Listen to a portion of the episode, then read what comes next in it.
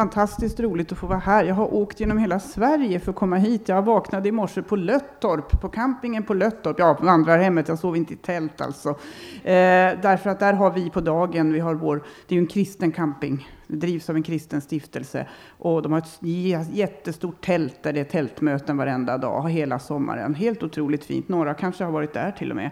Eh, och den här, de här veck dagarna så är det tidningen Dagen som står för programmet. Så jag var där och eh, medverkade igår och jag ska tillbaka för jag, må, jag ska också medverka i söndagens gudstjänst. Så jag har fått åka verkligen genom Sverige och eh, lika fint väder är det här som det var på Öland. Det var väl inte dumt. Det kanske är jag som har med mig det då, rent av. Eh, ja, det här med att presentera mig själv. Ja, alltså, det, den här boken, Drabbad av det oväntade, den berättar min historia och min väg till kristen tro. Många har kanske till och med läst den. Andra har hört mig. En del kanske har hört mig flera gånger. Det börjar bli nästan besvärligt det här när man kommer någonstans och så ser man ansikten som man vet att man har träffat både en och två och tre och kanske fler gånger. Eh, nu är det ju sorgligt att jag har bara en historia så att jag kan inte liksom hitta på något annat. Men för er som inte vet någonting om mig så kan jag säga att det stämmer precis det eh, som står på baksidan av boken. Jag var levde ett jag vände Gud och kyrkan och den kristna tron ryggen i samband med min egen konfirmation 1967, eh, när jag var 16 år gammal. Den var totalt misslyckad. Eh, jag levde eh, ett bra vuxenliv Eh, först som aktiv ateist. Hade Christer Sturmark varit i farten på 60-talet, då hade han haft en rekryt här. Nu, var, nu låg de lite lägre då, eh, Humanetiska förbundet hette de ju på den tiden, så att jag gick aldrig med där. Eh, och sen övergick det någon slags välvillig likgiltighet i kyrkan, att den kan väl vara bra för det här med kultur och historia och musik och ja, eh, stämning och traditioner. Och den där med tro, det kan ju de hålla på med som behöver det, men det är ingenting som jag har något behov av i mitt liv. Och jag vet faktiskt inte inte vad som är värst att vara en rödglödgad ateist eller att vara totalt likgiltig. Men jag är böjd att säga att det är det senare som är värre, för då har man liksom ingen relation alls på något vis. Eh, och så här skulle jag, hade, jag, blev ekonom, jag blev journalist tidigt. Eh, nästa sommar är det 40 år sedan jag hade mitt första journalistjobb. Eh, om man nu kan kalla det jobb. Jag var, som det hette, sommarbarn på Norrbottens-Kuriren i Luleå. Det hette inte sommarvikarie, för jag skulle nämligen inte få någon lön. Jag skulle bara få vara där och lära mig. Men när sommaren var slut så blev jag inkallad till den vördnadsbjudande chefredaktören Ivar Frick som, som räckte över, som sa att Elisabeth har gjort så bra ifrån sig, så här är ett kuvert. Och där låg det 400 lappar och det var märkvärdigt att få. Det var ju några år sedan. Eh, det här. Och det där med skatt och så tror jag varken han eller jag tänkte på så mycket i det läget. Men det är väl preskriberat. Ja, sen blev jag journalist, ekonomijournalist, jobbade i väldigt många år på Svenska Dagbladet, 25 år som ekonomijournalist. Eh, ett krävande liv på många sätt, också ett krävande familjeliv. För det visade sig att vår dotter nummer två eh, inte utvecklades som andra barn och att det inte handlade om något som gick över utan att det handlade om ett livslångt handikapp, en utvecklingsstörning. Ulrika är 24 nu och eh, det har varit eh, ett, ett intensivt liv. Eh, för det är ju krävande detta med att ha ett barn som har, som det så vackert heter, särskilda behov. Fast om någon av er inte har särskilda behov så kan ni anmäla er efteråt. Det har vi ju allihopa. Eh, men det, man säger ju så om handikappade barn. Så att jag var fullt upp, full fart framåt, många bollar i luften, ingen tanke på Gud. Eh, på, när Ulrika var 16 år, lika gammal som jag hade varit, sommaren 1999, då fick hon åka på konfirmationsläger. Inte för att hon skulle lära sig något om kristen tro och så där i första hand, utan för att det var ett bra sätt att lösa den sommaren med att hon hade någonstans att vara i fyra veckor så att vi kunde jobba i lugn och ro. Ett fantastiskt bra integrerat konfirmationsläger för utvecklingsstörda och normalstörda, helt vanliga tonåringar alltså, på Gålö. Eh, på hennes konfirmationsdag så sitter vi i det lilla, lilla kapellet, mindre än det här. Eh, ungdomarna tar emot nattvarden. Prästen säger, nu är ni alla välkomna fram. Och för mig är det som att alla reser sig, utom någon i vår familj. Och jag inser att min dotter kommer att bli jätteledsen när hon inte får se någon av oss. Så nästan på dagen 32 år efter min egen konfirmation, och faktiskt idag är det fredag, ja, så att det var igår var det precis Eh, åtta år och en vecka sedan, den 11 juli 1999, så reser jag mig för att gå fram och ta emot nattvarden. Något som jag aldrig hade tänkt göra mer i mitt liv efter min konfirmation. 32 år utan en tanke på detta. Det var väldigt pinsamt tyckte jag och det som höll mig uppe var just detta. Det är för Ulrikas skull. Eh, det är för att göra henne glad. Och precis när det är min tur att ta emot bröd och vin och den här pinan ska ta slut, då tar brödet slut. Inte totalslut, men prästen är tvungen att gå och bryta en brödkaka till. Så det blir en paus på 20-30 sekunder. Och då passar ju Gud på. För han är ju bäst på allt och det här med timing, det är han alldeles särskilt bra på. För det här var enda tillfället när jag var tillräckligt uppmjukad i hjärtat. Och då drabbas jag just av den här förvissningen. Det här är inte för Ulrikas skull, det här är för din skull. Så där drabbades jag av det oväntade och det var verkligen ingenting jag önskade. Och det följde en besvärlig kamp, några sömnlösa nätter när jag försökte hålla borta vad som hade hänt. Sen kapitulerade jag och sa till Gud, okej okay då, jag har haft fel, du har rätt, du finns. Och tänkte att nu blir det ju bra. Och så blev det väldigt mycket värre. För nu hamnar jag i läget att nu var jag ju lika övertygad som jag tidigare hade varit att Gud finns inte. Det var jag ju nu, att Gud finns men han kan inte förlåta mig. Och det är inget kul, för att uttrycka det milt.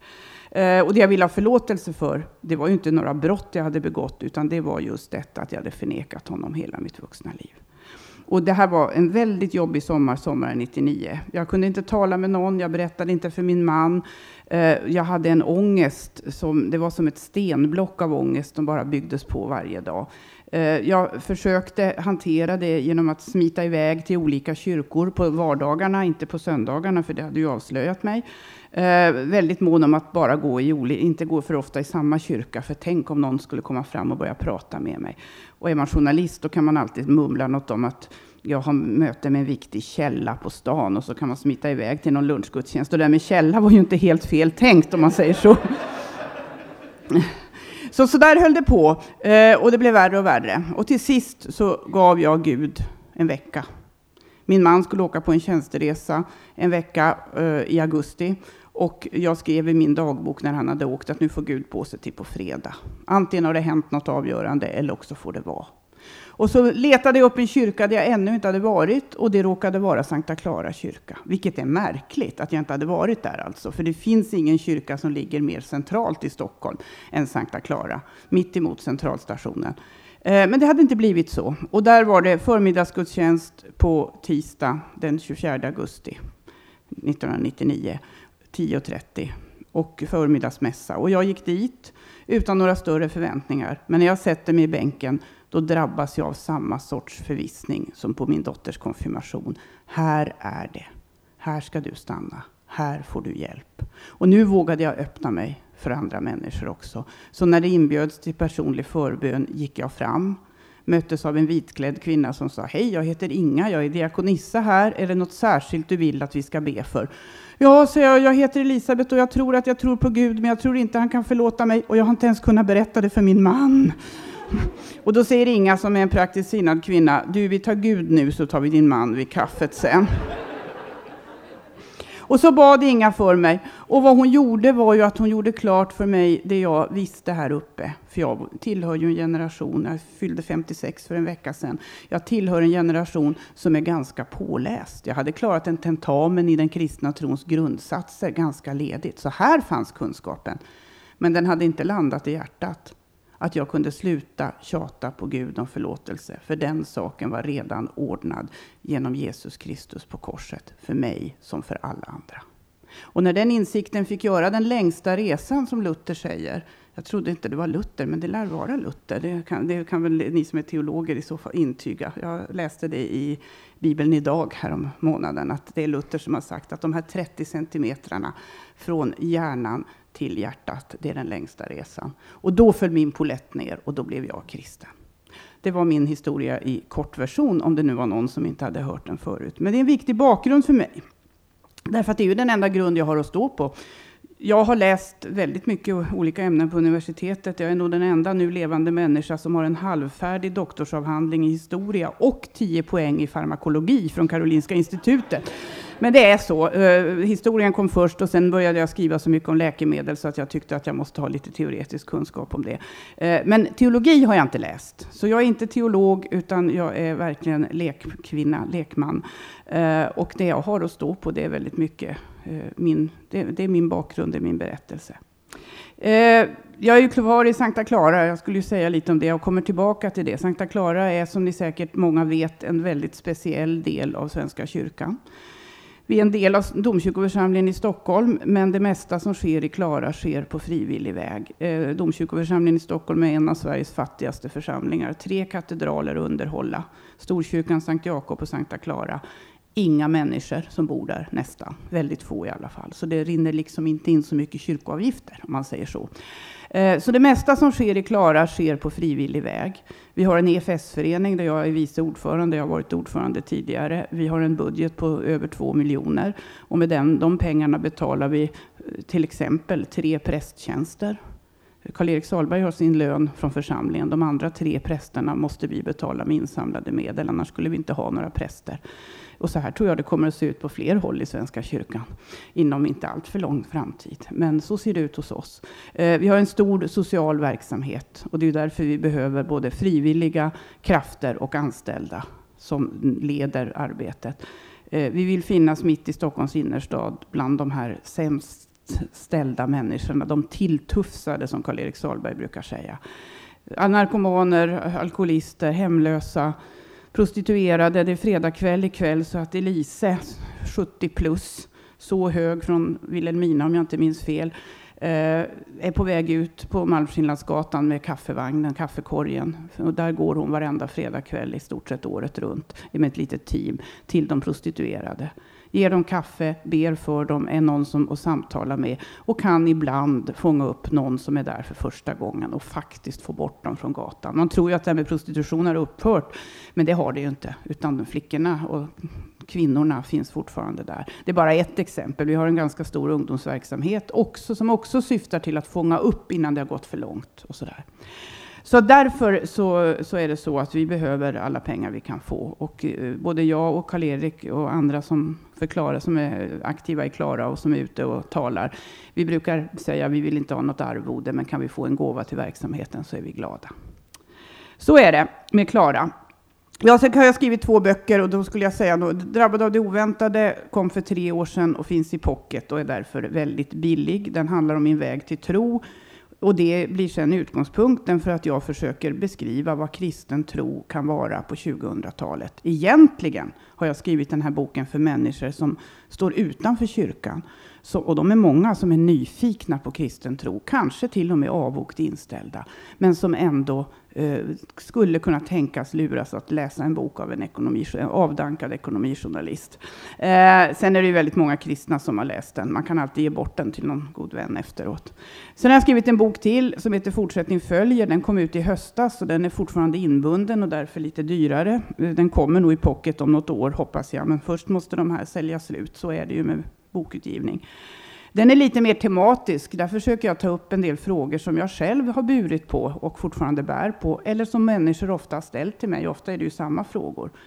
Och det handlar bland annat om det här med ekonomi och aktier och ja, överhuvudtaget. Det är ju slående hur mycket ekonomi, både vardagsekonomi och så att säga näringsliv, som Jesus använder sig av när han undervisar jag hörde bara så sent som idag att 60 procent av allt vad Jesus sa på något vis handlade om ekonomi och ägodelar. Jag, jag vet inte om den siffran stämmer, men mycket är det i alla fall. Jag, jag, skriver ett kapitel om förlåtelse. Varför är det så viktigt? Varför verkar det vara en sån central punkt ändå för, för den som är kristen? Vad händer när vi dör? Det är en fråga som dagens människor bär på lika mycket som tidigare, alla tidigare generationer. Och på ingen av de här punkterna har jag ju något svar att ge, men man kan ju resonera kring dem med utgångspunkt i Bibeln. Så de två finns också på bokbordet då. Jag vet inte hur många exemplar, men det låg några stycken där i alla fall. Ja, sen ska jag kanske säga något också eh, innan jag börjar med det jag egentligen ska tala om, fast det hänger ju ihop, eh, om det här med de svåra frågorna och min professionella gärning. Jag jobbade alltså på Svenska Dagbladet fram till eh, våren 2000. Sen sa jag upp mig för att bli redaktionschef på Kyrkans Tidning. Inte för att jag inte kunde jobba kvar på Svenskan eller blev bortskrämd därifrån eller inte ville jobba med ekonomijournalistik. För det handlar ju bara om att skriva om förvaltarskap, så det hade jag ju mycket väl kunnat göra. Jag tror att jag hade blivit en bättre ekonomijournalist. Men därför att det var så lockande att få jobba på en, en, eh, en tidning med kristen inriktning. Jag trodde ju aldrig jag skulle få det där jobbet, för i annonsen stod det god kännedom om Svenska kyrkan och hennes lära som ett av kraven. Och det var då våren, våren 2000, så jag fick skriva i ansökan. Jag har varit kristen i exakt nio månader, men jag lär mig fort. Mm. Och det trodde de på. och där jobbade jag i sex år, lite drygt. Och sen i höstas så ringde min telefon. Daniel Gran, chefredaktör på Dagen, undrade, som jag haft lite kontakt med, som man har sådär kollegor emellan eh, som jag har stor, hade, har stor respekt för som, som tidningsman och sådär, eh, så ringde han och undrade om inte jag hade lust att komma dit och skriva ledare och ta hand om debatten. Och jag tackar ja efter viss vånda och ganska mycket, inte så lite bön, både att jag själv bad och att jag bad andra be över det, för att det här var ett stort steg. Och jag men sen tackar jag ja, dels därför att jag faktiskt trodde att det var Guds vilja, eh, men också av rent egoistiska skäl. Eh, det skulle nämligen bli så kul att få skriva igen som redaktionschef på Kyrkans Tidning så skrev jag nästan ingenting utom mitt namn på attestraderna på räkningarna och sådär. Eh, och sen var det ett djupare skäl och det är ju det att jag är så övertygad om att det finns en enorm chans för den kristna tron eh, i Sverige idag att nå ut. Eh, därför att det pågår en påkristning i det här landet, inte en avkristning. Det talar jag länge och gärna om, men det ska jag inte göra ikväll. Däremot kommer jag in lite på det imorgon på mitt seminarium. För jag tror nämligen att detta med att våga vara personlig om sin tro, det är ett av sätten att underblåsa den här påkristningen, se till att den får fart och att den övergår i en väckelse av gammalt hederligt snitt. Fast, ja, det kan vi återkomma till imorgon för de som kommer dit. Men i alla fall, eh, och, om man tänk, jo, men om det här ska lyckas så tror jag att eh, en viktig förutsättning är en ny ekumenik. Att vi kristna hittar varandra på ett nytt och djupare sätt. Och det pågår ju mycket spännande liksom på organisatorisk nivå med avtal och man sitter runt sammanträdesbord. Och, eh, Missionskyrkan och Svenska kyrkan har funnit varandra igen efter alla år eh, när man har varit skilda. Ehm, eh, Pingströrelsen har gått in i Sveriges kristna råd efter stor, mycket vånda och alltihopa där. Så det sker mycket på det planet, men jag tror att det riktigt viktiga det sker när kristna möter varandra över samfundsgränserna och upptäcker hur mycket som förenar oss. Jag kommer tillbaka lite till detta med, med vad som kan förena oss. Men i alla fall, när man tänker så, då ska man ju jobba på en ekumenisk tidning, en allkristen tidning. Och det är ju faktiskt dagen numera. Många säger ja, det är ju pingsttidningen och vi är ju jättestolta över våra traditioner. Men faktum är att både ägarmässigt, innehållsmässigt och läsarmässigt så är Dagen en ekumenisk tidning och blir det allt mer. Och det är en process som jag hoppas kunna vara med i. Ja, sen gick det bara ett par månader då. Jag var så lycklig. Jag skrev och jag slapp vara chef och inget ansvar hade jag annat än det jag själv gjorde. Och så säger Daniel Gran upp sig som chefredaktör. Och det blev ju en chock för oss alla, inte minst för mig som faktiskt hade kommit dit, till stor, delvis för att jag ville jobba med honom. Och så gick det ett par veckor och sen kom styrelseordföranden och frågade om jag kunde tänka mig att gå in som tillförordnad chefredaktör. Och då sa han, ja du blir ju den första kvinnan, sa, jag. Ja, sa han. Ja, sa jag, men det är ju också så att jag blir den första chefredaktör för dagen som inte är troende döpt. Ja, men det kan vi ordna, säger han glatt. men det har han inte fått göra. Eh, jag sa snabbt, men jag är andedöpt, kan inte det gälla lika högt? Och det tyckte han också. Han är pingstpastor i Uppsala, jättetrevlig. Men han, som sagt var, jag står emot allt sånt. Nej, men skämt åsido så tackade jag ja till detta. Och det kan jag ju säga att mycket trodde jag skulle hända i mitt liv. Men inte kunde jag ju tro att jag skulle bli en efterträdare till Levi Petrus. Det, det hade jag inte tänkt mig. Och jag hoppas han är nöjd också, brukar jag tillägga. Jag sa det här igår när jag pratade på Löttorp. Och, eh, då efteråt så kom uh, det är olika pastorer och nu, just den här veckan så är det pingstpastorn från Sundsvall som är där som värdpastor. Och då kom hans fru fram och så sa hon, ja du vet kanske inte att eh, min morfar hette Levi Petrus. Och då kändes det ju lite, men då sa hon, jag tror att morfar hade tyckt att det var jättebra. Så det känns skönt. så är det med det. Jaha, eh, och det här med tidning, eh, alltså det är ju det här med de svåra frågorna. Jag kommer tillbaka till det lite senare, för att det gör ju att vi finns mitt i detta med stora och svåra frågor på någon slags, lite hö, alltså på någon slags samhällsnivå. Som journalist så får man hantera detta eh, i stort sett dagligen, de svåra frågorna. Och för mig handlar det som chefredaktör och ledarskribent inte minst, då handlar det om också att ta ställning och ibland väldigt hastigt det är inte så många timmar man har på sig att bestämma sig för vad ska vi tycka i den här svåra, stora frågan. Så det här är någonting som jag ändå får slita med ganska mycket. Men jag tänkte ändå att det, det finns ju liksom tre nivåer av svåra frågor. Eh, dels finns det de svåra frågorna i mitt eget liv. Och så finns det de som handlar om den kristna tron och kyrkans svåra frågor. Och så finns det de svåra frågorna på samhällsnivå. Och det här modet att våga ta tag i de svåra frågorna, det gäller ju för mig som kristen på alla de här nivåerna. Det handlar om mitt eget liv, det handlar om i det sammanhang jag finns, den kyrka jag är med i. Och eh, om vi säger kyrkan med stort K, alltså inte nödvändigtvis Svenska kyrkan eller något annat samfund, utan, utan Kristi kropp Eh, här, här, i Sverige då i första hand. Och det handlar om de svåra frågorna i samhället och det finns liksom något slags ansvar där. Och sen kan man ju konstatera att det här med mod, eh, det är ju en bristvara hos mänskligheten och det är ju ingen nyhet, utan att vi till exempel har svårt att stå för vad vi har gjort eller har svårt att göra det som vi faktiskt vet är rätt. Det finns ju hur många exempel som helst på detta, inte minst i Bibeln, genom historien. Eh, och samtidigt som det finns exempel på modiga människor, människor som har stigit fram och som har tagit sitt ansvar, trots att det har kostat dem väldigt mycket. Eh, eh, men sen är det också så, vad är mod? Det är ju en individuell, eh, en individuell kvalitet som skiljer sig från människa till människa. Det, det jag tycker är modigt, det kan en annan person tycka att det är väl inget konstigt med det. Och tvärtom. Och det tycker jag ibland så har folk sagt, oh vad modigt av dig att byta jobb när du är så gammal. Ni vet, i Sverige är man ju gammal när man är 55 och sådär. Och jag tycker inte det är särskilt modigt att gå från en tidning till en annan. Men för många människor är detta ett stort steg det var ett ganska stort steg att lämna Svenska Dagbladet efter 28 och ett halvt år. Då kände jag nog mig ganska modig att jag faktiskt vågade ta det steget, men inte det här senaste bytet. Men för många är det en väldigt stor sak, medan jag tycker att ah, det är, jag är journalist, ja, nu har jag ett annat jobb och det är väldigt bra och roligt och sådär.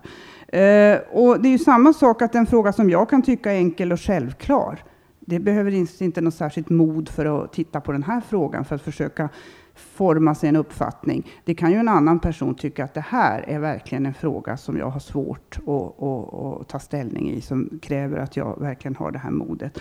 Eh, och jag tänker att då kan man ju inte säga något sånt där väldigt definitivt, så här är det, så här gör man. Utan det jag säger, det är väl mera någon form av funderingar som ni kan tänka vidare. Vi kan tänka tillsammans, eller ni kan tänka vidare kring på egen hand. Om jag ska börja på det här lägsta planet, eller första planet i alla fall, mitt eget liv, då kan man fundera på vad är det som är svåra frågor i människors liv? Och jag tänker att eh, de är ju lika många och vitt skilda som det finns människor, men att det väldigt ofta handlar om relationer. Både till andra människor och till Gud, men också om relationen till mig själv. Till min, det handlar om min självbild. Och att det faktiskt krävs ett väldigt mod att på allvar fundera på vem är jag, vad står jag för? Eh, ja, vad är jag för slags människa? Att man har någon form av realistisk syn på sig själv. Och det är ju en förutsättning Eh, jag hörde att ni hade talat om det dubbla kärleksbudet. Eh, och det är ju faktiskt så att det är ju egentligen inte ett dubbelt kärleksbud, utan det är ju ett trippelt kärleksbud. För det är ju så att vi ska älska Gud över allt annat. Vi ska älska vår nästa som vi älskar oss själva. Så kan vi inte älska oss själva, då kan vi ju heller inte älska vår nästa. Och ska vi kunna älska oss själva, då tror jag just att vi måste ha en sån här realistisk syn på vem man är och vad man gör och vad man har gjort. Och det här tror jag ju är någonting som Gud verkligen vill hjälpa oss med, att han verkligen väntar på att få ta tag i det, men att vi väldigt ofta skyggar för att ta emot den här hjälpen. Och att det verkligen krävs det mod någon gång så är det väl om man säger till Gud att jag vill verkligen att du genomlyser mig. Jag vill verkligen att du sätter fingret på det i mitt liv som inte är bra, det som behöver ändras. Eh, och det krävs ett stort mod att be om detta Eh, och det krävs ett väldigt stort mod att lyssna till vad Gud har att säga. Vad det är för plan han egentligen har. Och inte minst så krävs det ju ett stort mod för att lyda. Eh, när man faktiskt har lyssnat. Eh, och det, ju, det, kan ju inte bara vara jag som tycker att det är lite lustigt att vi vet ju det här med att Gud älskar oss och eh, kärleken är oändlig och han vill oss bara gott. Det är ju en grund, ett fundament i den, den kristna tron. Eh, och ändå är det så lätt att be om hjälp, men att ändå inte lyssna på vad Gud säger. Och det här gäller ju i många sammanhang, men jag tänker ju att det gäller kanske allra mest när vi ber om det som Gud allra helst vill göra, nämligen att forma oss till de individer som han faktiskt vill att vi ska bli, som vi faktiskt är avsedda att bli. Vi hade en diskussion i Klara för några år sedan. Då skulle man ju ha sådana här, det var lite modernt om man skulle ha korta, eh, käcka slagord för allting och vi skulle ha ett motto för vår verksamhet i Sankta Klara och vi satt i en kommitté och diskuterade fram och tillbaka. Och det var en väldigt spännande diskussion att försöka koka ner allt som händer i vår församling eller vår del av församlingen då till liksom en kort formulering som alla skulle kunna tycka var bra och som man i stort sett skulle kunna ha inristat på ett halsband eller något armband eller någonting. Och vi kom aldrig fram till någon kan jag säga. Men jag hade ett förslag som jag tyckte vi skulle ta, anta och det var så här. Kom som du är, bli den du var avsedd att vara. Att det skulle kunna vara ett bra motto för vilken kyrka som helst. Kom som du är och bli den som Gud avsåg dig att vara. Men i den här processen, så, så, det här är ju en svår process att bli den man är avsedd att vara, eftersom man har så många lager av det man själv har byggt på. Eh, och just det här med att lyssna på Gud, eh, så tänker jag att många av er är säkert alfamänniskor, precis som jag. Så då kan ni den här historien, som exemplet i alfakursen, Eh, där jag tror att det är kapitlet om bön som Nicky Gamble drar om den här mannen som kommer till doktorn och säger, och doktorn jag är så sjuk, jag har, alltså är det allt från liksom fotvårtor och vatten i knäna och uppåt och ända upp till huvudet och huvudmigrän har han också och han hasplar ur sig allt detta och så säger han, tack så mycket doktorn för att du har lyssnat, nu har jag inte tid längre och så går man ut genom dörren. Eh, och det skulle ju inte ge särskilt mycket effekt. Eh, och jag tror att i det sammanhanget så, så handlar det mest om att vi inte ger oss tid att lyssna på Gud Gud, att vi hasplar ur oss bönerna eller att vi sjunger lovsångerna eh, som om det vore vilken text som helst. Men eh, eh, jag tror också att det handlar inte bara om tid, utan det handlar också om mod. Och ett mod att faktiskt lita på Gud till hundra procent. Eh, Lite grann om det här med relationer till andra. Och det är ju också svåra frågor när det krävs mycket mod. Och då tänker jag att de relationer vi faktiskt på något vis väljer, de är ju nog så besvärliga. Eh, men de går ju ändå att på något vis komma ur, i alla fall i teorin. Eh, om det inte fungerar på jobbet så kan man byta jobb. Om man blir osams med grannarna så kan man flytta. Om man blir väldigt irriterad på förhållandena i sin församling så kan man byta församling. Allt detta är möjligt att göra. Men sen finns det ju de här relationerna som vi inte väljer. Eller som om vi väljer dem så, så väljer vi dem liksom för gott. Och jag tänker på att vi väljer inte våra föräldrar. Vi väljer inte våra barn. Och vi väljer väl förhoppningsvis den vi gifter oss med, men det är ju ändå, åtminstone i teorin, tänkt att vara ett livsvarigt val, även om det i väldigt många fall inte blir det. Men, men eh, när det kärvar i de relationerna, där man faktiskt inte har det här valet, då krävs det ju också ett mod att se eh, vad finns det för problem, vad finns det för lösningar. Och jag tror också att man måste acceptera ganska ofta att det finns inga riktigt bra lösningar. Och här tror jag vi behöver väldigt mycket hjälp från Gud att kunna eh, acceptera att det här kan jag inte lösa. Om jag ska bli personlig, och det är jag gärna, för jag tror att det är viktigt att man vågar vara personlig, eh, så kan jag ta två exempel i mitt eget liv på just detta och där jag känner att ja, det här får jag faktiskt lämna till Gud. Jag kan inte reda ut det här. Och det ena handlar om min man, så det är ju väldigt personligt. Och det andra handlar om min mamma, och det är också väldigt personligt. De är väldigt olika de här problemen, men det, jag skulle nog säga att det har sällan krävts mer mod av mig än när jag skulle berätta för min man att jag hade blivit kristen. Eh, jag gick och klämde på det som jag sa hela den där sommaren. Jag sa ingenting till honom. Eh, och sen var ju det en av de saker som jag, jag bad om hjälp med i Sankta Clara kyrka. Jag måste få hjälp att berätta det här för min man. Och Inga, diakonen och jag, vi satt och fikade en lång stund och pratade om detta. Och så, det här var ju en tisdag och sen gick jag med fjäril... Lycklig var jag ju för det här ångestblocket som jag hade haft på bröstet, det hade ju smält bort och jag var verkligen härligt frälst. Men jag hade också fjärilar i magen de där dagarna, för jag visste ju att på fredag kommer min man hem och då måste jag berätta för honom. Ja, var, han kom hem på fredag kväll. Jag hade tvättstuga den kvällen. Vi bodde i hyreshus och tvättstugan är i källaren. Eh, och aldrig har det bett så mycket framför en tvättmaskin i det här landet, det kan jag säga. Och det var liksom inte långa välformulerade böner, utan det var i stort sett bara Jesus hjälp mig. Och så kom jag upp med sista lasset tvätt. Och eh, uh, Helena, vår äldsta dotter, hon var inte hemma. Ulrika, vår utvecklingsstörda dotter, hade gått och lagt sig. Uh, min man säger, jag är jättetrött, vi går och lägger oss. Va? Och jag säger med allvarlig stämma, nej, det har hänt något vi måste tala med varandra om. Ja, jag förstår, av skrattet förstår jag att ni alla förstår vad han trodde. Och det var precis så. Han sa efteråt att när, när, när jag hade berättat så sa han att hade det varit det han trodde, att jag hade träffat en annan och ville skiljas. Och han hade ju lite rätt, för jag hade ju trots allt träffat en annan. Eh, men hade det varit det han trodde, då hade han blivit både förskräckt och förtvivlad och förvånad. Men det var ingenting emot hur överraskad han blev när han fick höra vad det verkligen var. För det var det sista han kunde tro skulle hända i vår familj. Och jag sa till honom att det här är ingen ny hobby som jag tänker testa under en period, utan det här är något som kommer att ändra mitt liv. Jag vet inte hur, men jag vet att det blir till det bättre. Och det trodde inte han. Och det tror han fortfarande inte. Nu har det snart gått åtta år och han står med en åsas, åsnas envishet fast vid det han sa den kvällen, att detta med kristen tro är ingenting för honom. Ingenting som han vill närma sig på något vis, som han vill ta del av, som han på något vis känner någon lockelse till. Och om vi båda två var likgiltiga tidigare under väldigt många år, vi alltså hade vid det här laget, nu har vi varit gifta i 34 år, 26 år hade vi varit gifta då. Vi hade ju då under i stort sett hela, det, ja, jag kan säga hela den tiden varit likgiltiga för detta med kristen tro. Men det, ja, man kan säga att vi, det var liksom summan var noll. Va? Jag var noll och han var noll. Noll plus noll är noll. Eh, och nu är det fortfarande noll. Jag är plus, ett stort fint fett plus och han är ett lika stort fint fett minus och då blir det ju också noll. Det, är som, det blir en polarisering. Ja. När det här blev en viktig fråga för mig så blev det också en viktig fråga för honom fast med omvända förtecken.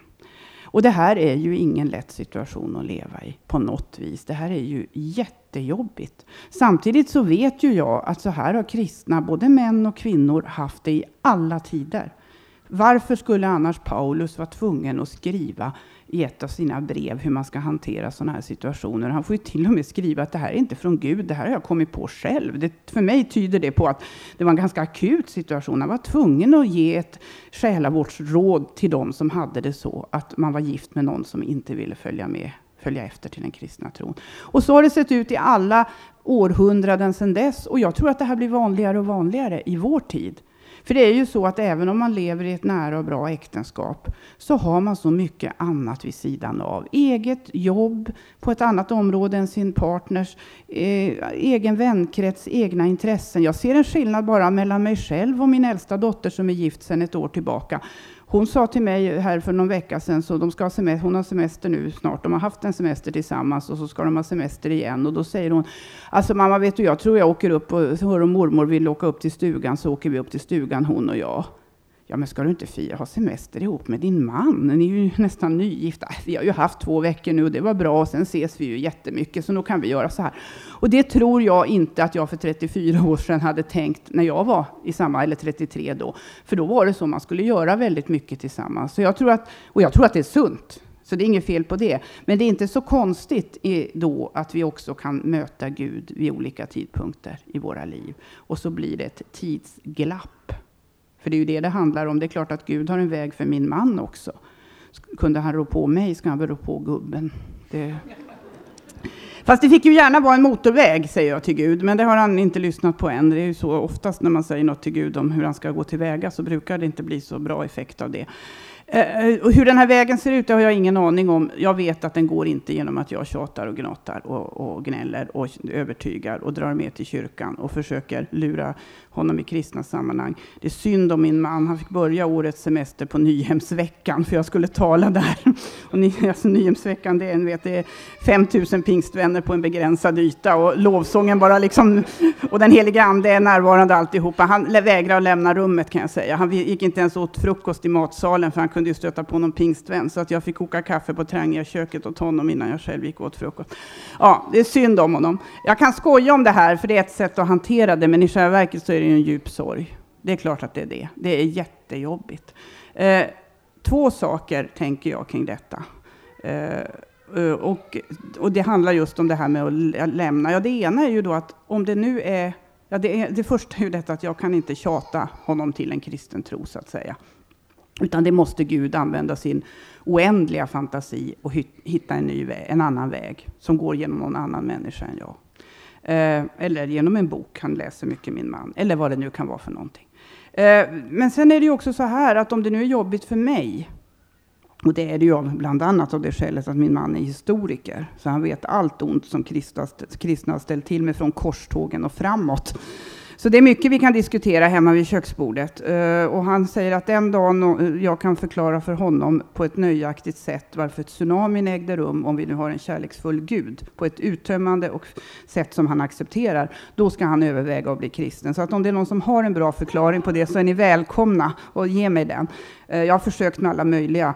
Uh, den bästa tycker jag är den här med, nu är jag, det här blir en parentes, den bästa tycker jag är den här med kniven faktiskt. Alltså man ska förstå en naturkatastrof av den omfattningen. Kan det vara så med skapelsen? Det är inte min alltså, eh, i liknelse. Jag tror att, faktiskt att det var Anders Pilz som sa det här i kyrkans tidning. Kan det vara så med skapelsen som det är med en kniv? Att när vi skär köttet med kniven, då vill vi att den ska vara jättevass i det ögonblicket vi håller på att skära oss i fingret, då skulle vi vilja att den blev av gummi och bara vek sig runt fingret. Men så är det inte. Den är vass fortfarande. Den har en oönskad effekt. Den goda kniven har en oönskad effekt, att den kan skada oss. Kan det vara så med skapelsen, att det finns någon baksida? Att det är därför den här typen av naturkatastrofer inträffar. Det tycker jag är en ganska bra förklaring, men den godtar inte min man, så det har inte hjälpt. Men i alla fall, det är jättejobbigt för mig på många sätt, men det är ju faktiskt ännu värre för honom. För det är ju jag som har ändrat mig, inte han. Om någon ska ut på en lång resa, då är det inte den som kliver på tåget som gråter. Det är de som står kvar på perrongen. Och så är det ju i vår familj. Så det, det, det, det försöker jag tänka på. Och sen var det faktiskt så här att det var väldigt, väldigt jobbigt i början. För varje gång jag avstod från någonting, att gå med på något möte, åka iväg med mina nya kristna vänner på någon konferens, Därför att jag helt enkelt inte kunde vara borta jämt. Och det händer ju så oerhört mycket i det kristna Sverige och alla är så hjälpsamma och säger och nu är den och den där, nu måste du komma med och lyssna och sådär. Och jag ville ju säga ja till allt, men jag insåg att det går ju inte. Och varje gång jag gjorde det så kändes det som att min ganska sköra och nyfunna tro naggades lite i kanten. Men så småningom så växte det fram någon slags insikt hos mig att om det värsta händer, om min man säger nu får du välja mellan mig och din kristna tro, så kan ju inte jag välja bort Jesus. Det finns ju ingen möjlighet, det är inget val. Och när det ligger som någon slags bottenplatta då blir de här kompromisserna inte så besvärliga. För då är inte det mer dramatiskt än att man ibland har olika uppfattningar om man ska åka på utflykt eller vara hemma och städa. Den typen av kompromisser måste man alltid göra i ett äktenskap, i ett förhållande. Så att den, den ganska tuffa insikten, den har hjälpt mig väldigt mycket. Det här skriver jag i min första bok om och det var så att eh, när, när förlagsredaktören läste det kapitlet så sa han att Eh, har din man läst det här? Nej, sa jag. Det får du nog lov att se till att han gör, annars tänker inte vi trycka det. Så han har, det är det enda han har läst i min bok och han har godkänt det. Han säger att jag hade kunnat beskriva ännu mycket hårdare hur jobbigt det är för honom. Så så är det med det. Men där känner jag ju ändå, min poäng med detta är ju att jag måste lämna det här till Gud. Jag måste träna mig och lämna det här till Gud. Hur ledsen jag än är så måste jag säga att det där Gud, det får du ta hand om. Jag kan inte sköta det här. Eh, tyvärr är det lite samma sak med min mamma. Min mamma är 83 år. Hon är änka sedan några år tillbaka. Hon är olycklig, hon är ensam, hon är kritisk mot allt och alla och hon är fruktansvärt bitter eh, mot att, om att livet inte blev som det var tänkt, att hon inte längre orkar allt hon vill göra, eh, över att kroppen inte hänger med. Hon är inte särskilt, hon är inte jättesjuk, men det är klart som det är när man blir lite äldre. Hon har ont i ryggen och hon har det ena och det andra. Hon orkar inte som hon förr gjorde. Hon är besviken över att jag inte är den dotter hon skulle vilja att jag var. Och för att bara belysa hennes bitterhet kan jag säga att om man gör en utflykt på lördagen med bil och har jättetrevligt och så pratar jag med henne på söndagen, då säger hon, jag önskar att vi aldrig hade gjort den där utflykten, för nu är det så tråkigt idag. Då förstår ni liksom graden av bitterhet. Och det här är jättejobbigt. Och det är ju så här med oss alla eh, tror jag, som har mammor och pappor och andra släktingar som börjar komma upp i åren, att vi går och bär på ett dåligt samvete. Vi skulle vilja göra mer för dem. Men vi har våra jobb, vi har våra egna familjer, vi, har, vi kanske bor långt borta. Nu är det inte så i mitt fall, vi bor inte så långt borta från varandra. Eh, vi kan aldrig göra riktigt allt det vi skulle vilja göra. Eh, jag har ju då det, dessutom så att de flesta Eh, mammor och så kanske inte säger det till sina barn, att de tycker så. Men det gör min mamma ständigt, att jag inte har gjort tillräckligt mycket för henne, att jag är här ikväll istället för att vara hemma med henne och så vidare. Och måste, jag behöver väl inte säga att det här lockar fram de absolut sämsta egenskaperna hos mig också. Jag blir grinig, jag blir sarkastisk, jag blir ja, allt det där som jag faktiskt inte vill vara, som jag tror att Gud inte vill att jag ska vara. Det kommer liksom fram sådär. Och för mig är det också så att lösningen är densamma som när det gäller min ofrälste man. Jag måste kunna lämna det här till Gud. Jag måste kunna hitta ett sätt att förhålla mig som jag klarar av, eh, som jag kan leva med själv. För att annars så går jag sönder. Och det här är jättesvårt. Det är verkligen inte enkelt och självklart. Det är verkligen något att arbeta på och något att be över. Hur ska jag kunna balansera så att jag själv orkar med. Eh, men ändå kunna säga att nej Gud, nu får du ta hand om den här situationen. Jag klarar inte av det. Och det, för det krävs också ett mod. Det krävs ett väldigt mod för att kunna släppa. Eh, om det är någon sak, folk frågar ibland vad har ändrats i ditt liv sedan du blev kristen? Och det är ju mycket det. Och en del är väldigt perifert och, och, ytligt och en del riktigt djupgående förändringar. De får Gud hålla ordning på och sådär. Men en sak tror jag faktiskt är att det har blivit lättare för mig att säga nej. Jag är den där flickan som alltid säger ja. Det är därför jag reser så mycket. Men jag har faktiskt fått lättare att säga nej. Det där kan jag inte göra. Det där hinner jag inte med. Det där är inte min grej.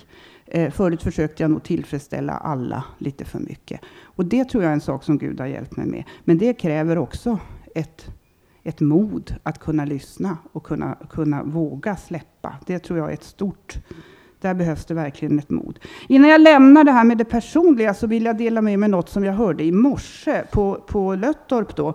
Det, den, eh, igår var det jag som höll i morgonsamlingen. Eh, idag var det en kille som heter Pelle Bäckerud, tror jag han heter. Det är en ganska intressant person. Han har varit företagsledare, en framgångsrik sådan i, i Småland någonstans. Han har sålt sina företag och ägnar sig nu åt evangelisation. Och eh, det var väldigt, han började oerhört kaxigt. Jag önskar att jag vågade göra, vågade göra samma sak när jag ska prata.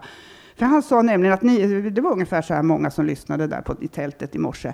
Så säger han att ni kommer att gå härifrån och era liv kommer att ha ändrats. Ni kommer att ha någonting mer härifrån som kommer att ändra era liv.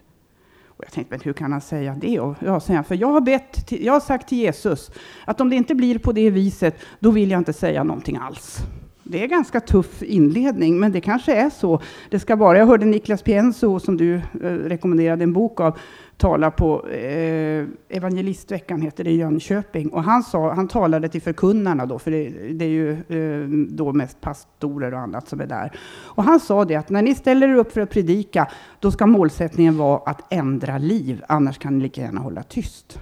Och jag som ibland får predika, fast jag är glad amatör, jag kände att det där är ju en tuff målsättning. Man kanske inte behöver ändra alla liv varje gång. Det kanske räcker med att ett liv ändras lite grann. Nåja, i alla fall så kan jag säga att Pelle lyckades nog delvis. Men han menade att ni kommer att få med er någonting härifrån som, som kommer att bli en tanke hos er som ni faktiskt inte hade förut. Och så läste han en, ett, ett avsnitt ur Andra Kungaboken, fjärde kapitlet, början nämligen hustrun till en av profeterna kom till Elisha och klagade. Min man, din tjänare, är död. Du vet att han var en gudfruktig man. Nu kommer en fordringsägare och vill ta mina båda söner till slavar. Elisha frågade, vad kan jag göra för dig? Säg mig vad du har i huset. Herre, svarade kvinnan, det enda jag har är en kruka olja. Elisha sa, gå runt till alla dina grannar och låna ihop kärl, så många tomma kärl du kan få tag i. Gå sedan in och stäng dörren om dig och dina söner och häll upp i alla kärlen och ställ undan dem efter hand som de fylls. Kvinnan lämnade honom. Hon stängde igen dörren om sig och sina söner. De räckte henne kärlen och hon hällde i. Då kärlen var fulla sa hon till en av sönerna, ta hit ett kärl till. Men han svarade, det finns inga fler. Då slutade oljan att rinna. Kvinnan sökte upp gudsmannen och berättade för honom vad som hänt. Gå och sälj oljan, sa han till henne, och betala din skuld. Det som blir över ska du och dina söner ha att leva på. Eh, och det här jag menar, det handlar ju om en kvinna som verkligen är i kris eh, och som behöver en lösning på sin situation. Eh, och vad Pelle lyfte fram, det var ju då att Eh, hon säger att eh, jag har ju egentligen, han, han läste en, någon annan bibelöversättning och där sa hon faktiskt, jag har ingenting, bara lite olja. Eh, och då menar han att vi säger så väldigt ofta det, att vi har, jag har ingenting. Men i själva verket så har vi faktiskt alltid någonting att börja med, någonting att bygga på. Det är inte så att kylskåpet är totalt tomt, även om det känns så. Eh, och detsamma är ju brödundren i Nya Testamentet, det är ju en variant på det, när lärjungarna säger att nej, men vi har ju ingenting som kan mätta de här personerna. Vi har bara fem bröd och två fiskar. Och då visar Jesus att det räcker väl, det är någonting att börja med. Och det andra poängen är naturligtvis att den här änkan lyder. Hon gör som Elisha, det vill säga Gud eh, genom honom säger, även om hela idén strider mot all mänsklig logik och allt förnuft, så lyder hon. Och då går det också väl. Situationen räddas. Hon får, får de pengar hon behöver. Sönerna behöver inte bli slavar och så vidare. Och det här tänker jag att det är, det är väl ett eh, klokt förhållningssätt just i de här svåra frågorna där det krävs mod eh, att se vad vi har och att våga lyda Gud. Det, det, det tycker jag var poängen med den så det är ju ofta så där, man hör någonting samma dag som man faktiskt tar till sig. Jaha, då tänkte jag om jag ska byta nivå då, och tala lite om det här med svåra frågor i, på den nästa nivå, i den kristna tron, i, i våra församlingar, i vår kyrka, så är ju det ett, ett stort ämne. Eh, och det är ju samma sak där, att det som är en svår fråga för en är inte en svår fråga för en annan. Och det har ju slagit mig att det här med den kristna tron, den är ju väldigt, väldigt mycket paradoxer i den kristna tron. Och en sån paradox som blev väldigt tydlig för mig, det var ju att det som verkade fullständigt omöjligt, alltså inte bara svåra frågor, utan omöjliga frågor, innan jag sa ja till Jesus, det blev sen bara på en gång, alldeles naturligt och självklart. Inte allt, jag menar det finns mycket man får jobba med i sin kristna tro. Det finns mycket i Bibeln som man får slita med. Men det är ändå så att man på något vis byter perspektiv helt och hållet. Och det är ju verkligen paradoxalt. Eh, och ibland så säger ju folk så att det finns ingenting man måste tro för att vara kristen. Och jag tycker att det är alldeles riktigt att säga så, men man måste ju lägga till att det finns väldigt mycket man får tro. Och att det faktiskt är någonting att vara tacksam för. Att man får tro på allt detta som för en som inte är kristen verkar fullständigt befängt och underligt och konstigt. Det är ju, det är ju någonting att vara tacksam för och någonting att, att vara positiv till. Eh, och sen tvivlar vi ju ändå, eh, så att vi behöver ju påminna oss om det här enkla och självklara. Och där kan jag ju då säga, inom, också inom parentes, att där är jag ju väldigt avundsjuk på min utvecklingsstörda dotter Ulrika. För hon har en kristen tro som är enkel, omedelbar, självklar på ett sätt som den aldrig blir för mig. För det är så mycket brus och det är så mycket störningar och inte minst detta att finnas i medierna och snabbt behöva ta ställning och ibland kanske skriva saker som inte är så väl överlagda och sådär. Va? Men allt sånt där och det, det här tvivlet, det tror jag i stor utsträckning att hon slipper. Jag talade med två herrar som vet mycket om detta med handikapp och kristen tro, Thomas Sjödin och Martin Lönnebo. De har ju båda söner med svåra handikapp. Och vi pratade om våra barn och deras förhållande till, till kyrkan och sådär. Och jag berättade om Ulrikas glädje att få finnas i kyrkan, hur lycklig hon är när hon får åka med i olika sammanhang, vad hon betyder för många människor. Och då säger Martin Lönnebo, men hon är väl inte så bra på dogmatik, din dotter? Nej, säger jag, dogmatik är nog en av hennes svaga sidor. Och ärligt talat, jag tror inte att hon har någon uppfattning, varken i ämbetsfrågan eller homofrågan heller. Men hon vet det som är viktigt. Hon vet att hon är älskad av Gud. Hon vet att hon älskar Jesus. Och hon vet att hon har viktiga uppgifter i församlingen, i den kristna gemenskapen. Att hon är en lem i Kristi kropp, även om hon aldrig skulle säga det på det viset. Och de uppgifterna, det är att visa glädje. Att visa hur roligt det är att få vara i kyrkan. Och att dela ut kramar, inte minst. Eh, några har träffat Ulrika och fått kramar kanske, så ni vet hur det är. Eh, men hon, är, hon, är, hon betyder mycket och det kan jag vara lite avundsjuk på. För så där enkelt blir det inte för mig. Och, och, och de här, de här eh, svåra frågorna, det handlar ju väldigt ofta om efterföljelse det här med, jag har beslutat att följa Jesus och det är en underbar lovsång. Och ingenting eh, kommer att få mig att, jag kommer inte riktigt ihåg hur den går där. Även om andra vänder bort så kommer jag fortsätta att följa och sådär. Och det är ju underbart att sjunga den trosvisst och liksom peppa upp sig själv. Men när man verkligen kommer till att leva upp till det man har sjungit, då blir det plötsligt väldigt mycket besvärligt. Då krävs det återigen det här modet att våga lyssna på Gud och att våga lyda Gud. Och sen handlar ju det här med svåra frågor i, i kyrkan och så, det handlar ju väldigt mycket om hur vi tolkar vad som är Guds vilja för oss själva och för de sammanhang vi finns i. Eh, och de här svåra tolkningarna och de som går isär, det är ju inget nytt för vår tid. För det, det är precis som det här med att man lever i förhållanden som, som där en part inte vill vara kristen. Det, det, det finns ju också i Bibeln. Det, det, är bara att läsa apostlagärningarna när de är osams om både det ena och det andra och är tvungna att samlas till möten och diskutera till exempel om de som inte var judar när de blev kristna, om de också måste omskäras. Så där står ju verkligen de stridande fraktionerna mot varandra tills man då enas och kan skriva den, den heliga anden och vi har gemensamt bestämt. Tänk när det står det i kyrkomötesprotokollet. Den heliga anden och vi har gemensamt bestämt. Det tycker jag skulle vara bra. Eh, fast jag tror inte att det blir så. Nej, men alltså det, eh, sen har det ju fortsatt eh, århundrade efter århundrade med upprörda kyrkomöten, inte då de, dagens kyrkomöten, med, med uteslutningar av de som trodde fel, med reformation och motreformation, med avknoppningar av samfund efter samfund. Och det är ju faktiskt så att det finns människor som säger att jaha, det där visar ju hur fel det är att tala om en klassisk kristen tro. För kristna har aldrig varit överens någon enda gång. Alltså finns det ingen klassisk kristen tro. Eh, jag pratade om det här på stiftsmötet i, eh, alltså Växjö stiftade stiftsmöte i Kalmar 6 juni råkade det vara, det är därför jag kommer ihåg dagen. Och jag skulle ha, få ha ett seminarium, i, eh, ett, vi var tre personer som var ombedda att ha varsitt seminarium på temat det som inte får sägas. Och det är ju intressant att tala en timme om det som inte får sägas. Eh, men då, det var faktiskt det första jag tog upp. Så sa jag, det finns en sak som är som ett rött skynke just nu i Svenska kyrkan, i stora delar av Svenska kyrkan. Och det är om man säger orden klassisk kristen tro det är, det, det, man får en reaktion. Alltså, det finns inget som heter så och man diskuterar inte sakfrågan utan man diskuterar just att man har använt dessa förgripliga ord. Och jag förstår inte riktigt det.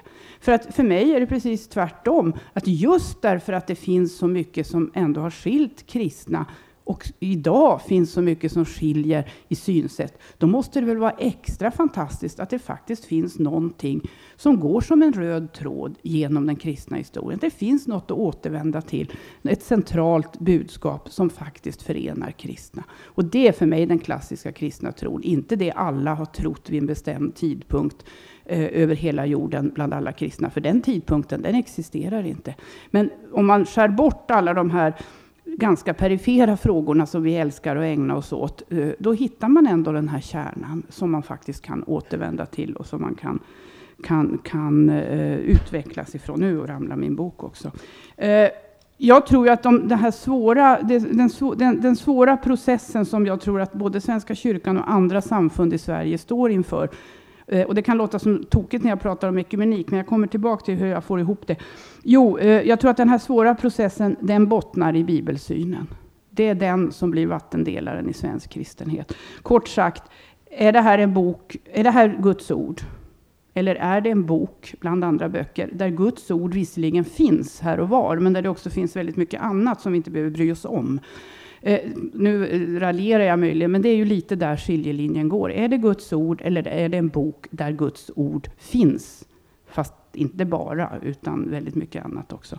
Och jag tror att det här blir eh, vattendelaren i svensk kristenhet. Och jag tror att den här nya ekumeniken som jag talar om, den kan uppstå på båda sidor om den här vattendelaren. Det kan uppstå på den sidan där man säger ja, det här är Guds ord. Det här är det vi har att hålla oss till. Det ska tolkas, det ska förklaras, det ska processas för att kunna ah, tillämpas i vår tid, självfallet. Det går ju inte att vara bokstavstroende. Det är ju, det är ju omöjligt.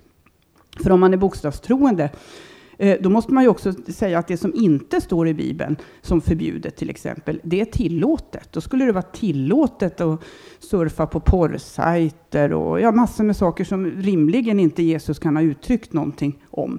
Eh, på det viset måste naturligtvis Bibeln tolkas eh, till varje tid och så har alltid skett. Men jag tror att där kan det uppstå en ekumenik och så kan det möjligen uppstå en ekumenik bland de som säger att nej, men det här är visserligen en intressant bok, men det är inte längre ett rättesnöre för vad vi har att hålla oss till.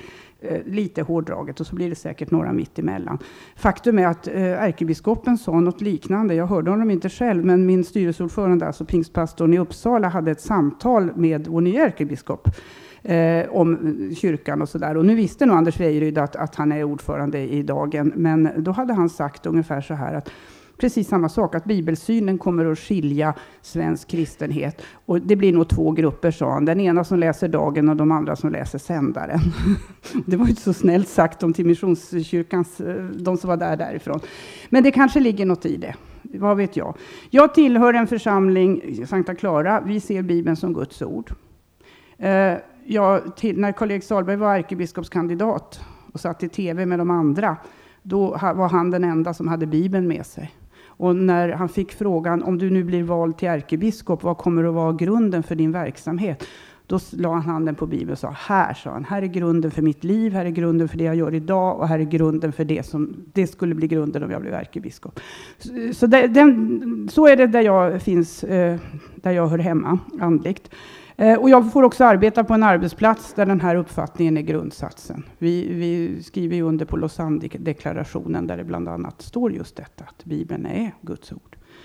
Eh, och det som står i Bibeln är sanning även i vår tid. Och, sådär. och det här borde ju göra det enkelt att ta ställning i olika tidens frågor, men det är ju inte alltid det är så. så. Det är inte så lätt så att man kan liksom slå i registret på Bibeln och så hitta vad ska jag tycka om det här när man sitter som chefredaktör på dagen heller.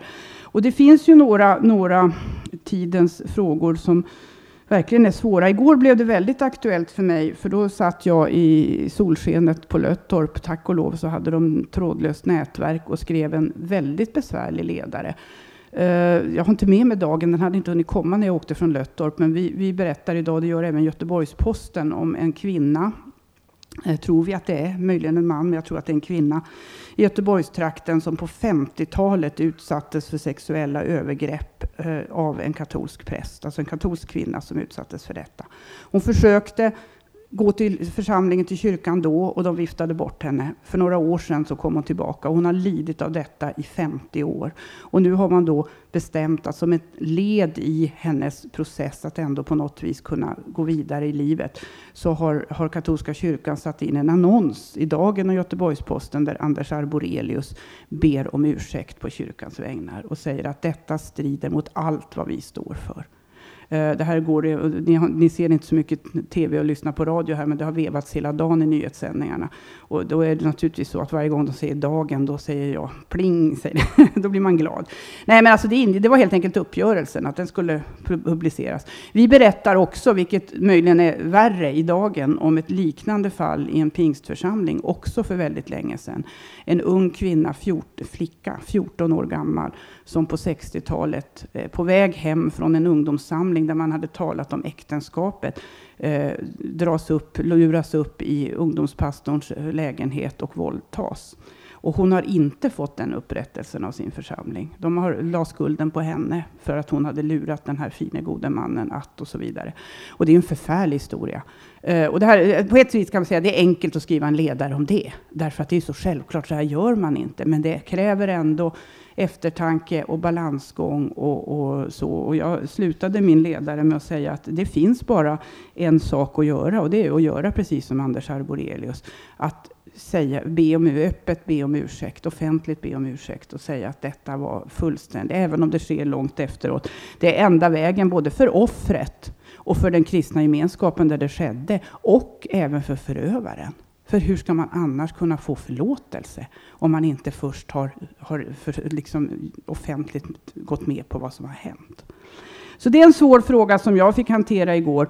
Eh, jag kan inte säga att det krävdes så där väldigt mycket mod. Det är ganska självklart att man ska fördöma sexuella övergrepp. Men den typen av frågor kräver väldigt mycket reflektion i alla fall. Hur uttrycker man sig? Hur formulerar man sig? Man vet att det här läses och vägs på, på guldvåg av alla. En annan sån här fråga som ju är hyperaktuell, det är ju synen på äktenskapet. Och ni vet ju bakgrunden att det, det finns en utredning som föreslår en enhetlig äktenskapsbalk. Den är ute på remiss. Alla partier utom Kristdemokraterna har redan sagt att de tänker driva det här. Eh, Moderaterna är på väg. Eh, de har inte sagt det, de ska göra det i höst. Det finns en majoritet i riksdagen för en, sam, en äktenskapsbalk som är densamma för alla typer av parrelationer. Eh, även om det finns många riksdagsledamöter i samtliga partier som inte tycker att det här är bra, men det finns en majoritet i alla fall. Och det finns många som driver på. Jag var i Almedalen, vi hade massor med program där från dagens sida och lyssnade på Mona Salin bland annat. Och då sa hon ju det, hon stod i talarstolen och sa att vi måste göra upp med främlingsfientlighet, vi måste göra upp med homofobi.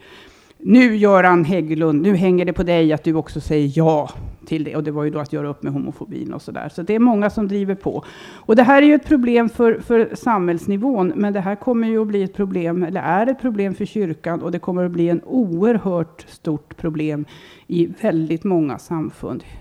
Jag, utgår, jag tror att det blir så. Jag tror att det kommer att vara så att män och män och kvinnor och kvinnor kommer att vigas på samma sätt som vi nu viger, kyrkorna nu viger män och kvinnor. Och varje samfund kommer att vara tvungen att fundera över hur de ska hantera detta. Och det, det här kommer att leda till mycket svåra och mycket uppslitande diskussioner igen.